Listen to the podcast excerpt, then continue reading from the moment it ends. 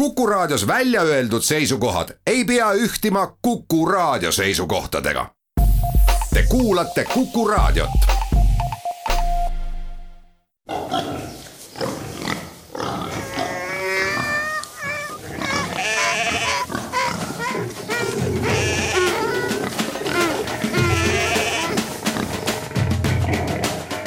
loomult loom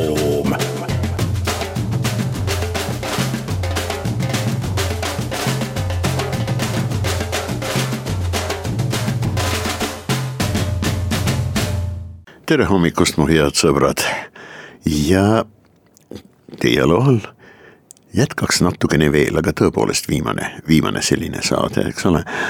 loodusteaduste nii-öelda ajaloolise arengu osas mõnede juttudega, nad on nii huvitavad. Ja eks nad on tõesti paikapanevad, kõik need uuringud, mis said enamasti seitsmeteistkümnendal sajandil noh, algupäraselt tehtud ja siis hakkasid arenema juba kaheksateistkümnendal sajandil ja päris loodusteadused tegelikult noh, kaheksateistkümnenda sajandi algusest juba, tähendab kaheksateistkümnenda sajandi lõpust, üheksateistkümnenda sajandi algusest, kiire väga kiire, noh geoloogilise ajaskaala kohaselt momentaalselt ikkagi ähm, arenesid loodusteadused tõepoolest väga kiiresti. mis tähendab, noh ajastu on küps, inimeste mõttehoiakud on muutumas, mõtlemishoiakud, inimeste hingesuunitlused. ja loomulikult vastavalt sellele ka tehnika ja muidugi uurimismeetodite areng, no tekib võib-olla kuskil iidsetel aegadel ja siis ei taha öelda vireleb. aga no paraku ei arene kuigivõrd kiiresti suured pikad sajandite pikkused seisakud, no näiteks, vaat seesama Stagiritos, Aristoteles. ta kirjeldab selliseid üksikasju, no näiteks alamate loomade, nagu neid nimetati juba seitsmeteistkümnendal sajandil. kuid tuldi selle peale, et on olemas alamad loomad, on olemas enam arenenud ja lausa kõrgemad loomad ja muidugi ka taimed mille alusel need niiviisi jagati, loomulikult ehituse, kehaehituse, taime, looma, kehaehituse ja muidugi funktsioonide. noh, täiuslikkuse ja mitmekesisuse järgi, eks ole. kuid äh, paraku Aristoteles kirjeldas pere, peamiselt mereloomadel, ta neid usinasti lahkas ja uuris äh, merisiilikud ja väga paljud teised meriloomad ja loomulikult krabid vähilaadsed, kraabilaadsed loomad, see oli tema süsteemis ja ta umbes viiesajast loomaliigist lõi esimest zooloogilist süstemaatikat. ja üheks suureks rühmaks olid just nimelt krabid. noh, eks see niiviisi oli ka Karl von Linne süsteemis. vähilaadsed olid tal omaette ja väga tähtsaks klassiks ähm, vormistatud. kuid äh, Aristoteles nägi imeväikseid asju. ilma mikroskoobita, kuidas see võimalik on? Äh, noh, oletati igasuguseid igasuguseid huvitavaid hüpoteese loodi selleks, et seda kuidagimoodi no, no selgemaks teha, kuidas on võimalik, et ta nägi ja kirjeldas üksikasju, mille vaatamiseks on või, vajalik no, no umbes kuuekümne, seitsmekümne kordne suurendus. ka meie ajal statiivluubid näiteks, eks ole, või sellised jah, nagu noh, alamad klassi mikroskoobid. no palju nad suurendavad, no kaheksakümmend, üheksakümmend korda, eks ole Anton äh, Van, kuidas seda hääldada? Õigesti, Löwenhoek, Leeuwenhoek. Või Löwenhoek, Löwenhoek, ilmselt noh, Hollandi nimi. ei ole lihtne minusugusel seda hääldada, aga jah, tema mikroskoop oli lihtsa kahepoolselt kumera ühe läätsega, mis oli umbes nii suur nagu rätsepa nõela pea, tegelikult väikese peaga nõela pea. vaat selline lääts, seda andis lihvida. aga Anton van Leeuwenhoek oskas lihvida läätsesid ja tema mikroskoop suurendas umbes sada viiskümmend korda.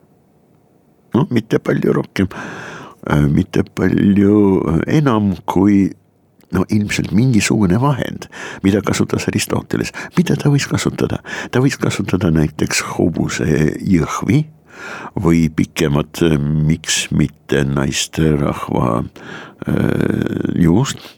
naiste juuksed reeglina on tugevamad, ühtlasemad. äh, ja ka peenemad sealjuures kui meeste omad noh, te teate, eks ole, väga paljude optiliste mõõteriistade jaoks kasutati, ma ei tea meie ajal, kas seda veel kasutatakse, aga veel kahekümnenda sajandi keskpaiku kasutati küll.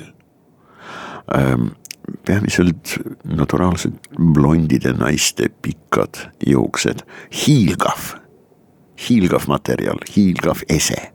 selleks, et teha no näiteks äh, läätsede äh, või siis äh, objektiivide peale või vaheobjektiivide peale võrestik mis on ülitäpne, loomulikult selleks kasutati ka mõnede ämblikute, ristiämblikute, mõnede troopiliste vormide siidiniidid. no selline niit on isegi inim-, isegi hobuse saba jõhvist tugevam. Puhas valk ja milline veel. kuid kui võtta selline juukse noh, no ma ei tea, seal lõik võib-olla seal kuskil viisteist, kuusteist või rohkem sentimeetrid. Ja siis proovida noh, nii pikk selleks, et sõrmedel oleks mugav manipuleerida selle juuksega ja siis teha temast sellist väikest noh, nagu silma.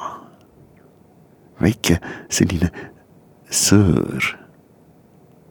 parajalt väike, et veetilk jääks sinna püsima.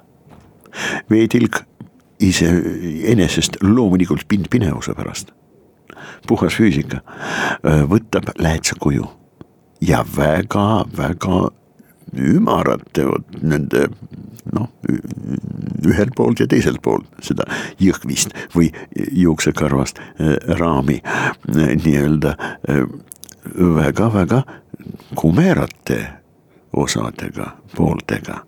selline asi suurendab mitukümmend korda veest ja juuksest tehtud lääts täiesti võimalik, et Aristoteles kasutas midagi niisugust, aga siis noh, no sadu aastaid.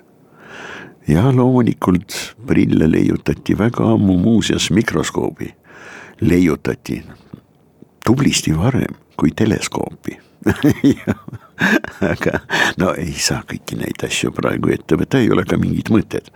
igatahes kui mikroskopeerimise meetod äh, tekkis ja hakkas jõudsalt arenema, siis loomulikult hakkas jõudsalt arenema ka loodusteaduste nii-öelda kogu, kogu pere. ja muidugi, kui areneb selline, selline uurimistehnika, noh muidugi see, mida sa avastad see, mida sa leiad, paneb sind kõhklema dogmades. noh, paratamatult, sul ei ole pääsu. sest äh, see suur äh, skolastika koolkond, mis opereeris Pythagorase kooli noh, laadse argumendiga. peamine argument oli ise ütles, õpetaja ise ütles autos F. jah, see hakkab tasapisi kuidagi hääbuma. sellest ei piisa enam. kujutage ette, mida kõiki need ei uurinud ja praktiliselt no mõnekümne aastaga, seitsmeteistkümnendal sajandil.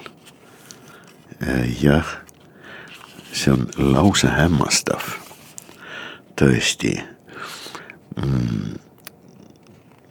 no näiteks, vaat seesama minu Löwenhöök, jah, Anton van Löwenhöök, jah, see suur mikroskopist ta ei osanud üldse, ei olnud ladina keelt.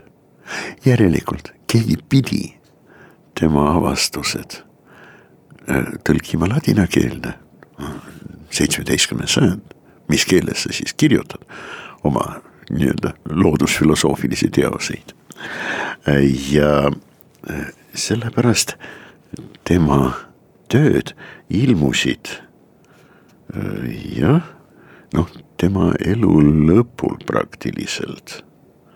ja tema peamine teos, neljaköideline, on Arcana nature ope microscopiorum detecta. Äh, jah, looduse äh, imelised nähtused, äh, kuidas loodus on ehitatud, milline see on mis on siis detekteeritud mikroskopioorum ja mikroskopeerimise teel avastatud. Vaadake, minu lemmikud on Francesco Redi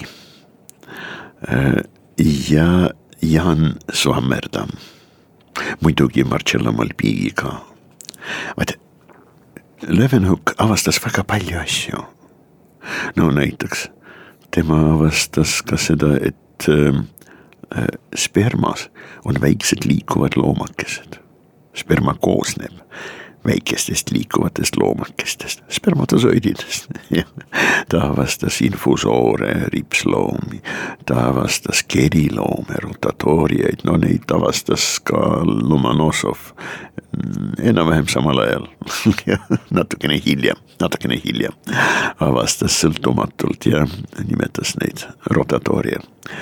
Kolovratki vene keeles jah, ja iseenese ligi või enese ümber pöörlevad loomad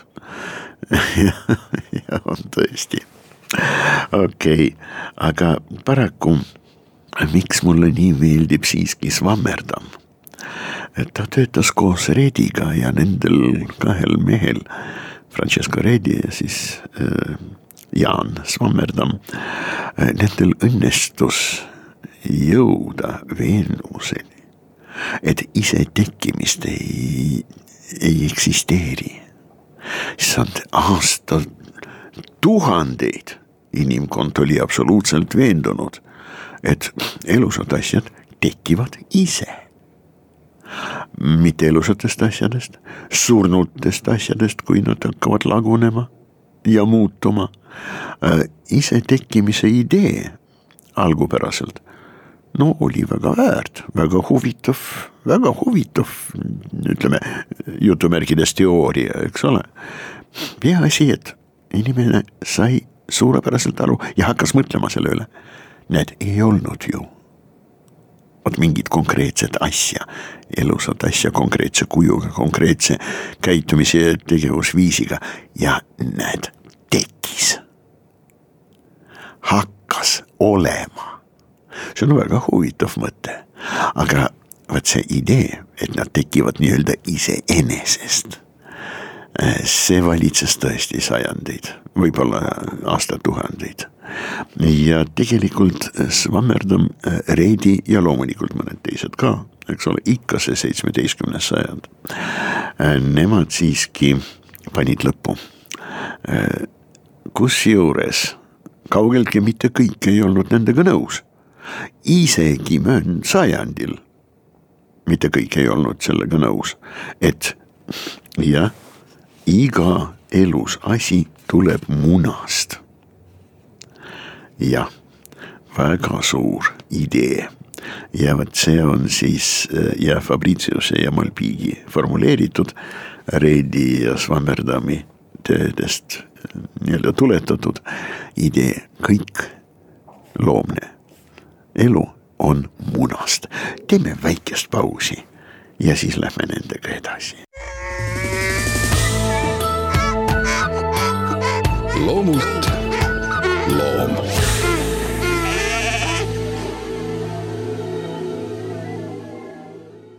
Ex ovo omnia. kõik on munast.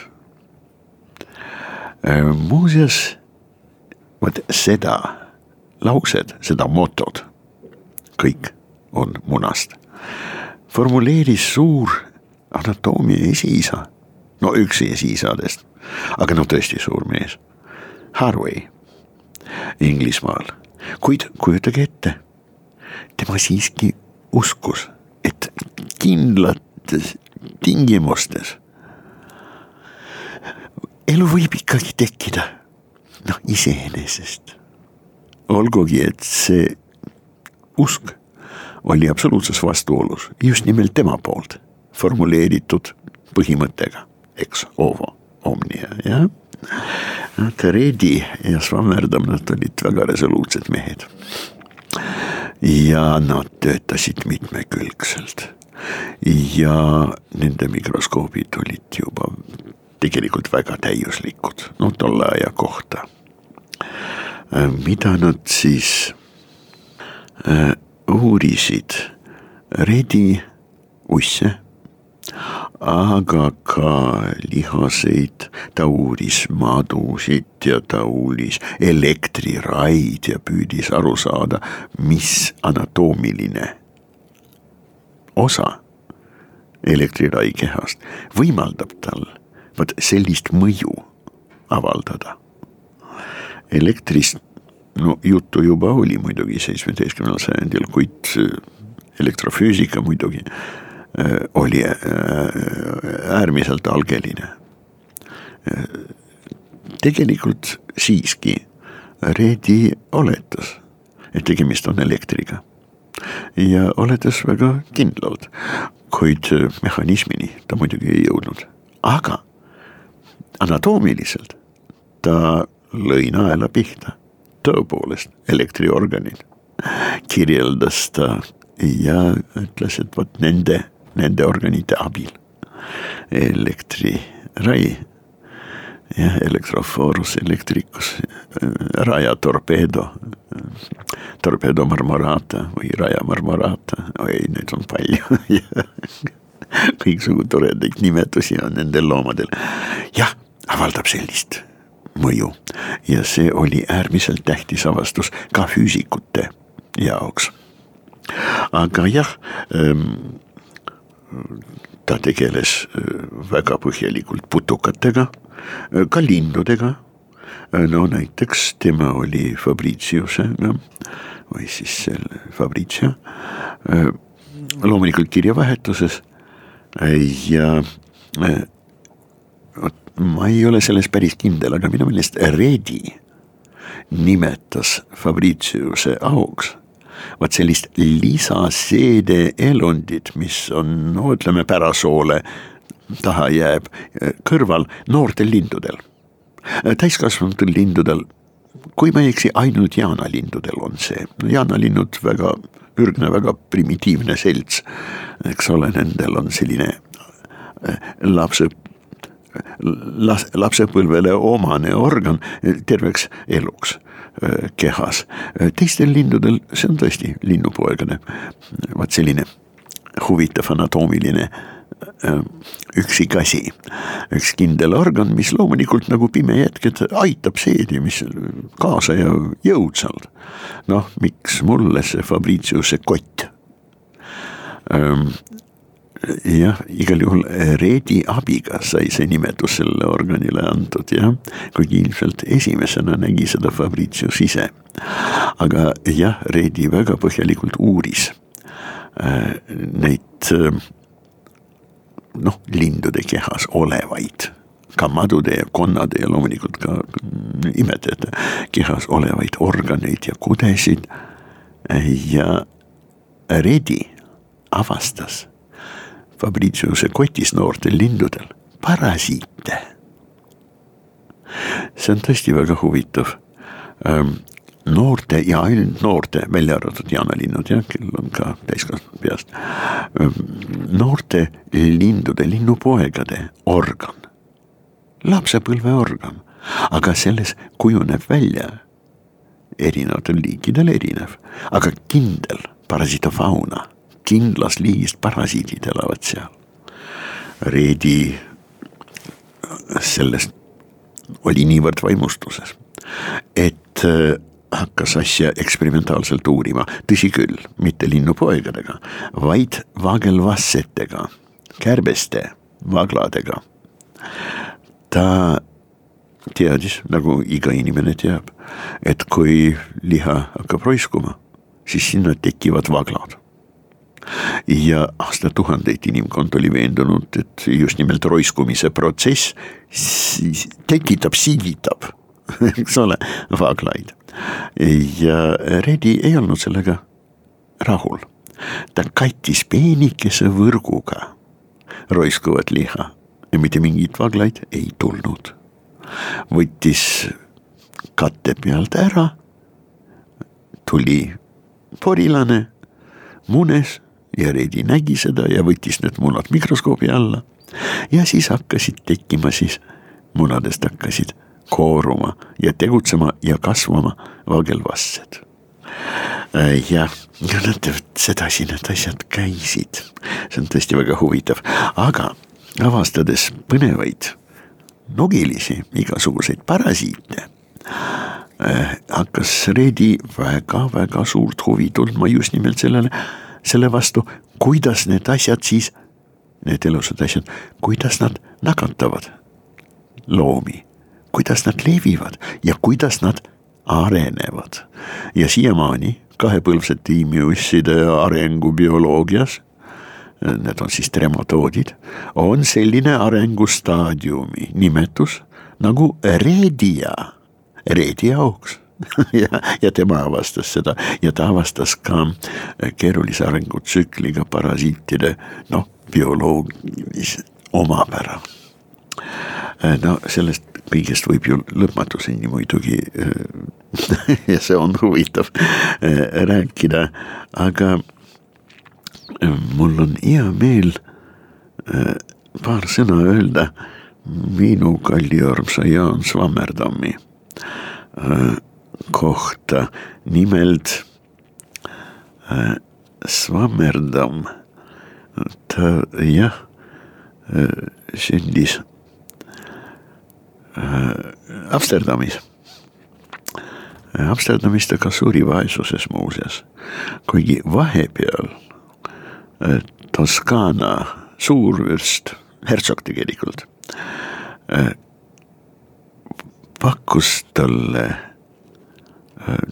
Soomerdamile tema kollektsiooni aparaatide eest kuskil umbes kaksteist tuhat kuldtaalerit ja kutsus tungivalt enda juurde, oma õukonna juurde, Firenzesse. ja Swammerdam ütles ära, ta elab Amsterdamis ja tahab, tahab olla Amsterdamis ja loomulikult äh, õppis ta Leidenis, selge see. Äh, tal olid suurepärased õpetajad, noh, professor äh, Jan van Höörne munasarjade avastaja ja munasarjade tähtsuse, tegevuse, rolli avastaja. ja isa, Svaberdaami isa oli apoteeker ja kirglik kollektsionäär. et isa kollektsiooni täiendas ja mitmekordselt loomulikult kasvatas ja suurendas siis poeg Jaan. aga tal oli isal sõber, professor Nikolaus Steno.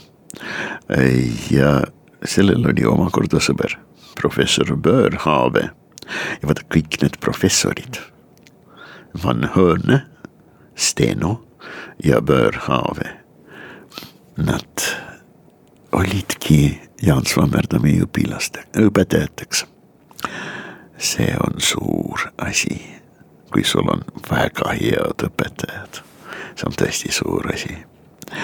nii et putukate arenguvormid see on siis Svammerdami muidugi aga ka Malbigi ja nende tublide meeste äh, uurimise objekt olnud vast number üks, võib nii öelda, jah.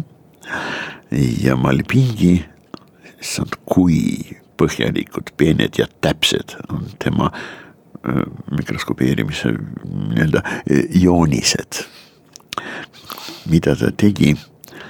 No Malbigi eelkõige uuris siidiusside, no siidilivlika röövikute arengud.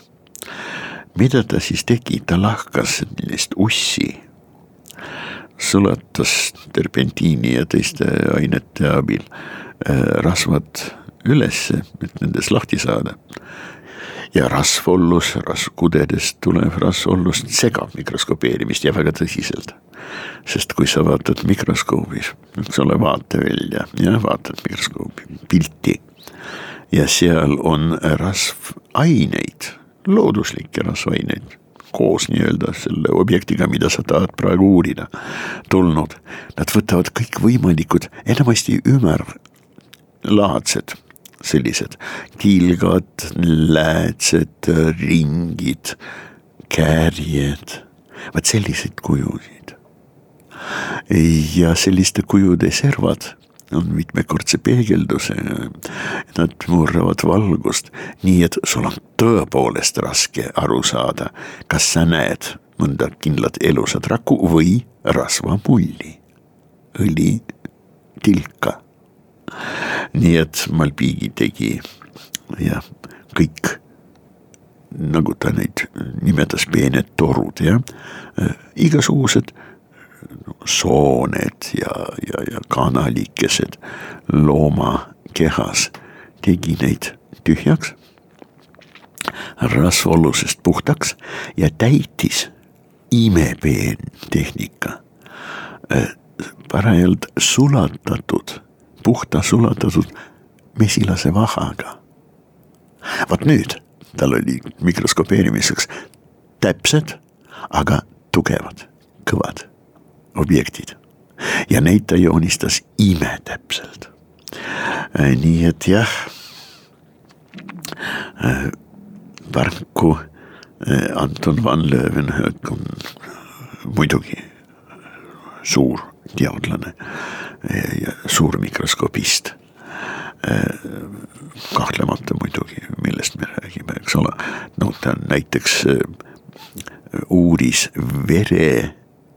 vererakke, vereliblesid ja kirjutab vaimustatult, kuidas näiteks konnakullese saba veeni sees, mikroskoobi all ta seda kõike nägi, liiguvad imekiiresti ja väga kindlameelselt kindlas suunas väiksed punased vereliblekesed.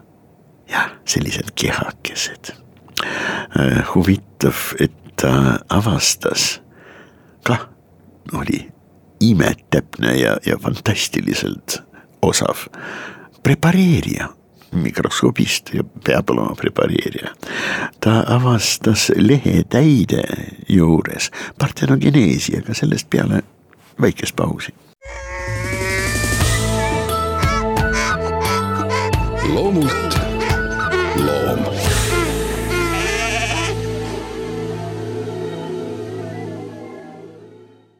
Nimelt äh, võttis Anton von Leeuwenhoek võttis suure paksu lehetäi, no suure, tõesti lausa, lausa poolteist, aga võib-olla isegi kaks millimeetrit, no nii suurt, kujutage ette, eks ole, looma. Ja ettevaatlikult avas seda elukat. ei lömastanud, avas ja nii täpselt nii peenelt, nii korralikult, akuraatselt, et ta leidis selle sees väiksemad, aga täiesti valmis lehetäin. ta oli absoluutses vaimustuses. ema sees oli täiesti valmis tütar. ta ei jätnud jonni. von, von Löwenhoek jah, ei, ei, ta lahkas ka seda tütrekest. ja siis ta nägi, et seal sees on tütre tütrekene ja ta sai aru loomulikult, et nad on kõik emased. ai, millised tööd, jah. aga noh ähm,, sperma uurimisel äh, loomulikult äh, tal äh, abiks oli Ludwig Hamm. noh, kuskil tuhande kuuesaja seitsmekümne seitsmendal aastal ähm, Hamm tegelikult, eks ole, aga Löwenhockiga koos kirjeldasid spermatosoidid ja veel tõestasid, no see on ikkagi doktor Hammi teene, eks ole. ta tõestas, et süda on tegelikult lihas. Kes oleks selle peale tulnud, et süda on söödav, kopsud on ka söödavad, maks on ka söödav. aga noh, selge see, et see ei ole liha või on selgus, et süda, noh, koed on tõesti lihaskoed. ja vot just nimelt need lihaskudede kiud, kihulised koed jah, seda vastas Löwenhucki kui mikroskopisti abiga Ludwig Hamm jah, aga noh, näete, see on lõputult huvitav ja äh, muidugi mul on ammu aeg hakata lõpetama äh, seda temaatikat vähemalt selleks korraks. kuid ma pean kindlasti paar sõna ütlema siiski. ka paleontoloogia, minu lemmik. paleozooloogia tegelikult, paleobotaanika, no ma, ma, ma, ma olen võhik paleobotaanikas. ma tundsin suurt paleobotaanikut, doktor Meieni, eks ole, andku talle hingamist. aga jah, temaga, me taimedest tegelikult pole kunagi rääkinud. rohkem nagu filosoofilist laadi vestlused olid temaga väga mõnusad. ta oli minu isa äh, hea sõber. Aga see selleks äh,, paleozooloogia, oh see on ülimõnus. no ma kujutan ette, et nii mõnelgi inimesel hobi. ega minulgi see palju, palju enam kui hobi tegelikult ei ole. sest noh, minu zooloogil, zooloogiline nii-öelda ekspertiisi valdkond on just nimelt zooparasitoloogia, selge see. jah muidugi entomoloogia mingil määral, kindlasti etoloogia, noh, võib-olla zoosemiootika, ei, mis võib-olla päris kindlasti zoosemiootika, kuid paleontoloogia, sõbrad, me elame Eestis. ja Eesti koosneb kambriumist, ordoviitsiumi, suurel määral siluuri ja loomulikult Devoni, noh põlevkivi basseini jah, alad ja kivististest, mu sõbrad ja kui nüüd minna paleontoloogia nii-öelda äh, algaastatesse, siis võib öelda, ma usun, isegi peab ütlema, et äh, paleontoloogia sai tõuge alguse. Väga huvitava äh, šveitslase. nimelt, kui ma nüüd hääldan õigesti Scheuchzer, jah, Andres Scheuchzer, eluaastad tuhat kuussada seitsekümmend kaks, tuhat seitsesada kolmkümmend kolm, ikka seesama aeg, eks ole. Ehm, tema avastas skeleti, mingisuguse eluka selgroogse asja. Ehm, ma ei taha kiirustada sõnaga looma sest äh, tegelikult äh, Scheuchzer oli veendunud, et ta avastas ürginimese skeleti, mis oli päris suur, no kuskil, ma ei tea, kas meetri pikkune, aga igal juhul see ei olnud midagi tillukest ja see oli küllaltki täiuslik. olid koljuluud ja enam-vähem koos äh, selgroog, sabaosa, selgroosa, äh, jäsemed ja hiljem, tublisti hiljem, suur tõepoolest paleontoloog Prantsusmaal, Cuvier, noh kõikidel juba koolipingis tuttav nimi, eks ole. tõesti suur mõtleja, tõsi küll, ta oli katastrofismi teooriate tulihingeline pooldaja, meie ajal katastrofistlikud teooriad, noh, evolutsiooni ja, ja paleontoloogias on jälle ülipopulaarsed, aga see ei ole esimene ega ka viimane kord, kui katastrofistlikud teooriad, hüpoteesid ja teooriad võtavad võimust. no tegelikult ei ole ju mingisugune absoluutne ähm, nii-öelda kõike seletav teooria, vot sellesama Yucatani poolsaare peale prantsutanud asteroidi plahvatuse järgi ähm, kriidiajastu lõpetanud suur väljasuremine. isa ja poeg Alvarezed lõid seda väga pädevat, väga õiget hüpoteesi, kuid sellest ei piisa. väga paljud, just nimelt dinosauruste, aga ka mageveeliste krokodillide, ammoniitide meredes ja väga paljud nii taimse kui ka loomse planktoni, merehõljumi ähm, liigid, terved sugukonnad surid tublisti enne kui see suur plahvatus leidis aset, mis kahtlemata tappis väga palju liike. selles mingit kahtlust ei ole, kuid ainult sellega me ei saa seletada kriidiajastu lõpetanud kuuskümmend viis miljonit aastat tagasi aset leidnud ainult selle katastroofiga. Ehm, jah, nii-öelda erade ja siis loomulikult ka perioodide eh, vot sellist tõepoolest vägevat vahetust. selliseid katastroofe oli ka varem. no näiteks Permi ajastu lõppes ilmselt väga kiire väljasuremisega. ja meil ei ole mingit asteroidi või muu laadi noh katastroofset sündmust siin võtta selle seletamiseks. väljasuremine oli isegi võimsam Permi lõppu, eks ole, mis lõpetas paleosoikumi tegelikult ja,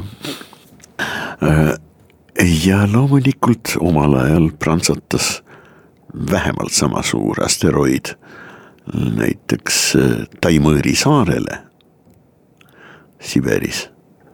sellest jäi üüratuvas probleem, kraater, mis on suurem kui Yucatani kraater, eks ole. Popingai on selle kraatri nimi, kohalik ja mitte mingit väljasuremist ei järgnenud, nii palju, kui me teame. aga noh, selles asi ongi, see on paleontoloogia. jah, sajad miljonid aastad on vahepeal jah, äh, mööda läinud. kuid jah, mida arvas siis Cuvier äh, ja mida arvas Schöchtzer ise? Schöchtzer avastas seda luustikut ja tema pani sellele väga liigutavalt nimeks homo diluvi testis. suure uputuse tunnistaja inimene, inimene suure piibli uputuse testis, tunnistaja. Cuvier loomulikult määras määras ümber. Selle asja, Cuvier tegi ju võrdleva anatoomia, eks ole, ja anatoomilise nii-öelda, no ütleme hästi üldiselt, eks ole, keha ehituse osade kooskõlastuse nii-öelda teooria ja laitmatult.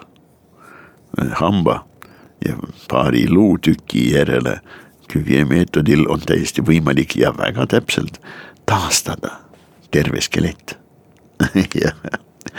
nii et Andreas Schöchzeri on see salamander, keda leidis too tubli šveitslane.